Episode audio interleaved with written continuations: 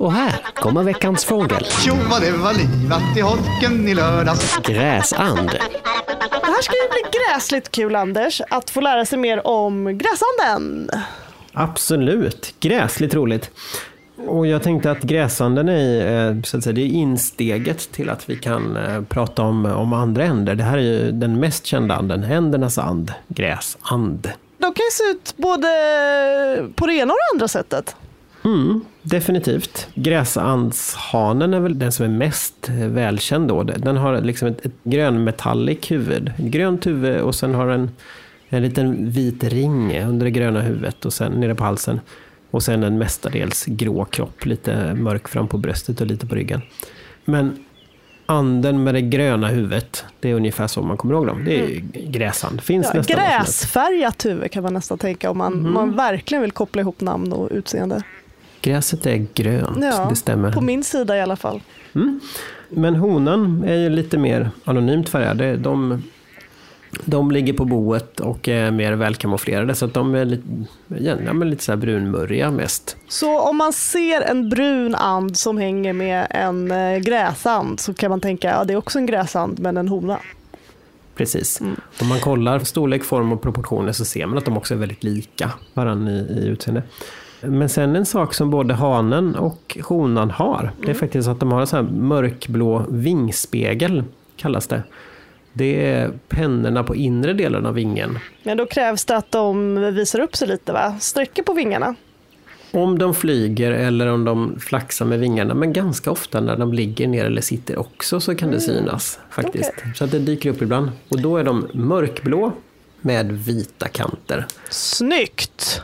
Yes, det är snyggt. Och det, det finns på både hanen och honan och det är ofta ett bra sätt att känna igen andhonor. Att man tittar på hur vingspegeln ser ut. Eh, Och så finns det lite olika varianter då. Men vi håller oss till gräsanden idag. Yes.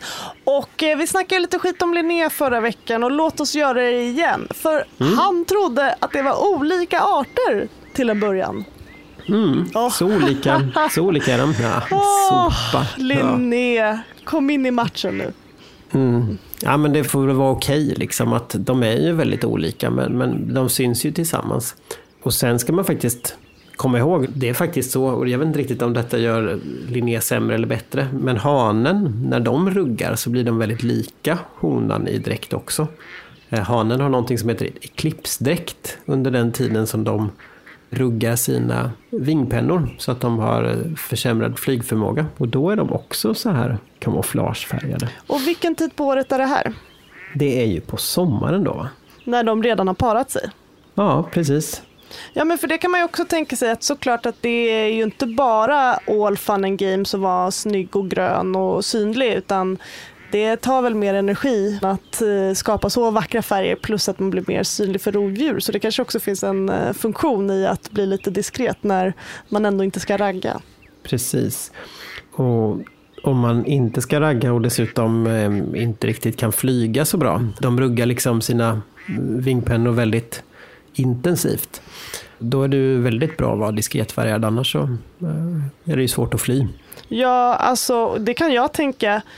Om jag bara ska vara hemma och äta glass och kolla på Netflix, då kan jag tycka det känns onödigt att jag ska borsta håret och sätta på mig läppglans. Om man dessutom skulle vara ett mer lovligt liksom, bytesdjur för ett rovdjur, då kan man tycka det känns ännu onödigare att piffa till sig. Precis.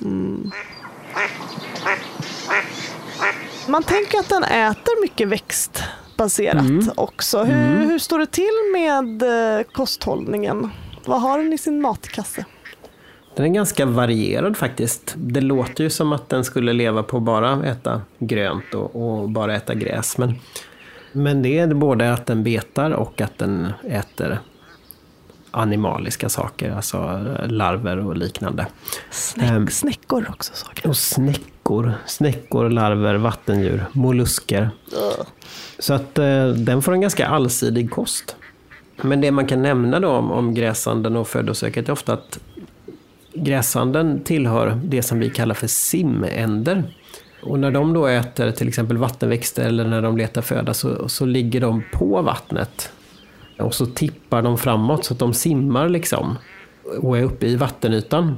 och tar saker, att de betar från vattenväxter eller tar saker från botten eller något liknande. Men de, de, de tippar upp med baken så att de dyker aldrig, utan Just de det. simmar i vattenytan. Kanske de vill ha det ganska grunt eller? Precis, de gillar grunt. Och eh, det gör att de ofta då ligger väldigt nära. Om de är vid kusten så ligger de ofta nära land och, Och sånt det där. är då. därför vi får se dem så ofta. Precis, det stämmer alldeles utmärkt. Men simänder då, de har också, förutom att de ligger och tippar ytan och stjärten sticker upp, när de betar så kan de också lyfta direkt från vattnet. Så att de behöver liksom inte springa igång när de lyfter. Och skillnaden är då dykänder som ofta har lite mindre vingar och lite tyngre kroppar. Så att de behöver liksom springa igång från vattnet. Eh, Och dykänder är en annan löst sammansatt grupp. Vi kan, vi kan prata lite mer om den sen. Mm, man kan aldrig få allt. Man får eh, välja mellan att kunna dyka superbra och sen ha det lite mer trögstartat i flykten och, och tvärtom. Man, Mhm. Ingen fågel är perfekt, precis som vi människor. Exakt så är det.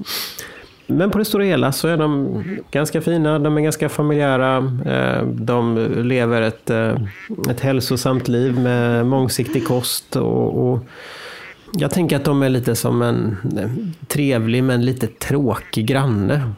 Ja, men det är så här, en Svensson-anka. Ja, det var väl jättespot on. De är familjära men inte fascinerande liksom. Om man inte som jag har en ett och ett halvt-åring och är så här ah, kolla ankor och så blir det ett event. Ja, just det. Men känner du att den glädjen smittar av sig på dig då när du ser gräsänder? Alltså det är ju jag som drar igång glädjen och då blir hon peppad. Vi matade några gräsänder med lite pannkaka här om dagen. Det var roligt. Mm. Men de kom väldigt nära, det var nästan lite läskigt. De är ju inte så stora men i relation till en ett och ett halvt-åring så är det ju inte så många kilo emellan. Ja, just det. Men jag tror, det är ingen fara, jag tror inte att så mångsidig det är nog inte Kosta faktiskt, så att det, det borde vara lugnt. Skönt, ja, men då kan jag slappna av lite mer nästa gång vi ser ett gräsandsgang. Men apropå gräshandsgang, så eh, även om de är lite Svenssonaktiga och känns lite tråkiga så verkar det ganska ofta gå rätt hett till bland gräsänder. Jaha, Ehm. så de har lite slagsmål eller?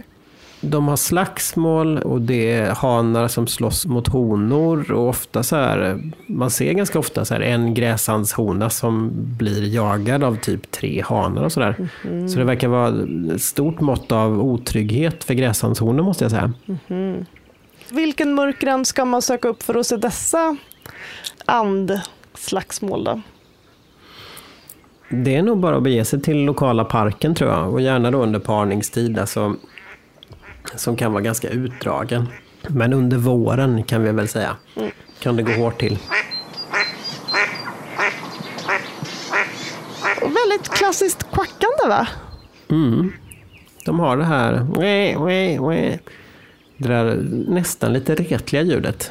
Jag, brukar, jag minns när jag spelade, det är oerhört tråkigt att det fanns, liksom, men det, det, det gjorde det en gång i tiden, att man hade så här golfspel till PC-dator. Och folk satt och spelade golf liksom, på datorn. Tyvärr om man gjorde ett dåligt slag, då var det alltid den här eh, gräsands ljudeffekten. Ja, det var det du menar med retljud. Ja, om- om du eh, snavar när du är ute och går i parken, då blir det alltid en lite jobbigare situation om det är gräsänder i närheten. Då känner du dig Exakt. lite löjligare. Blooper-faktorn ökar med 100%.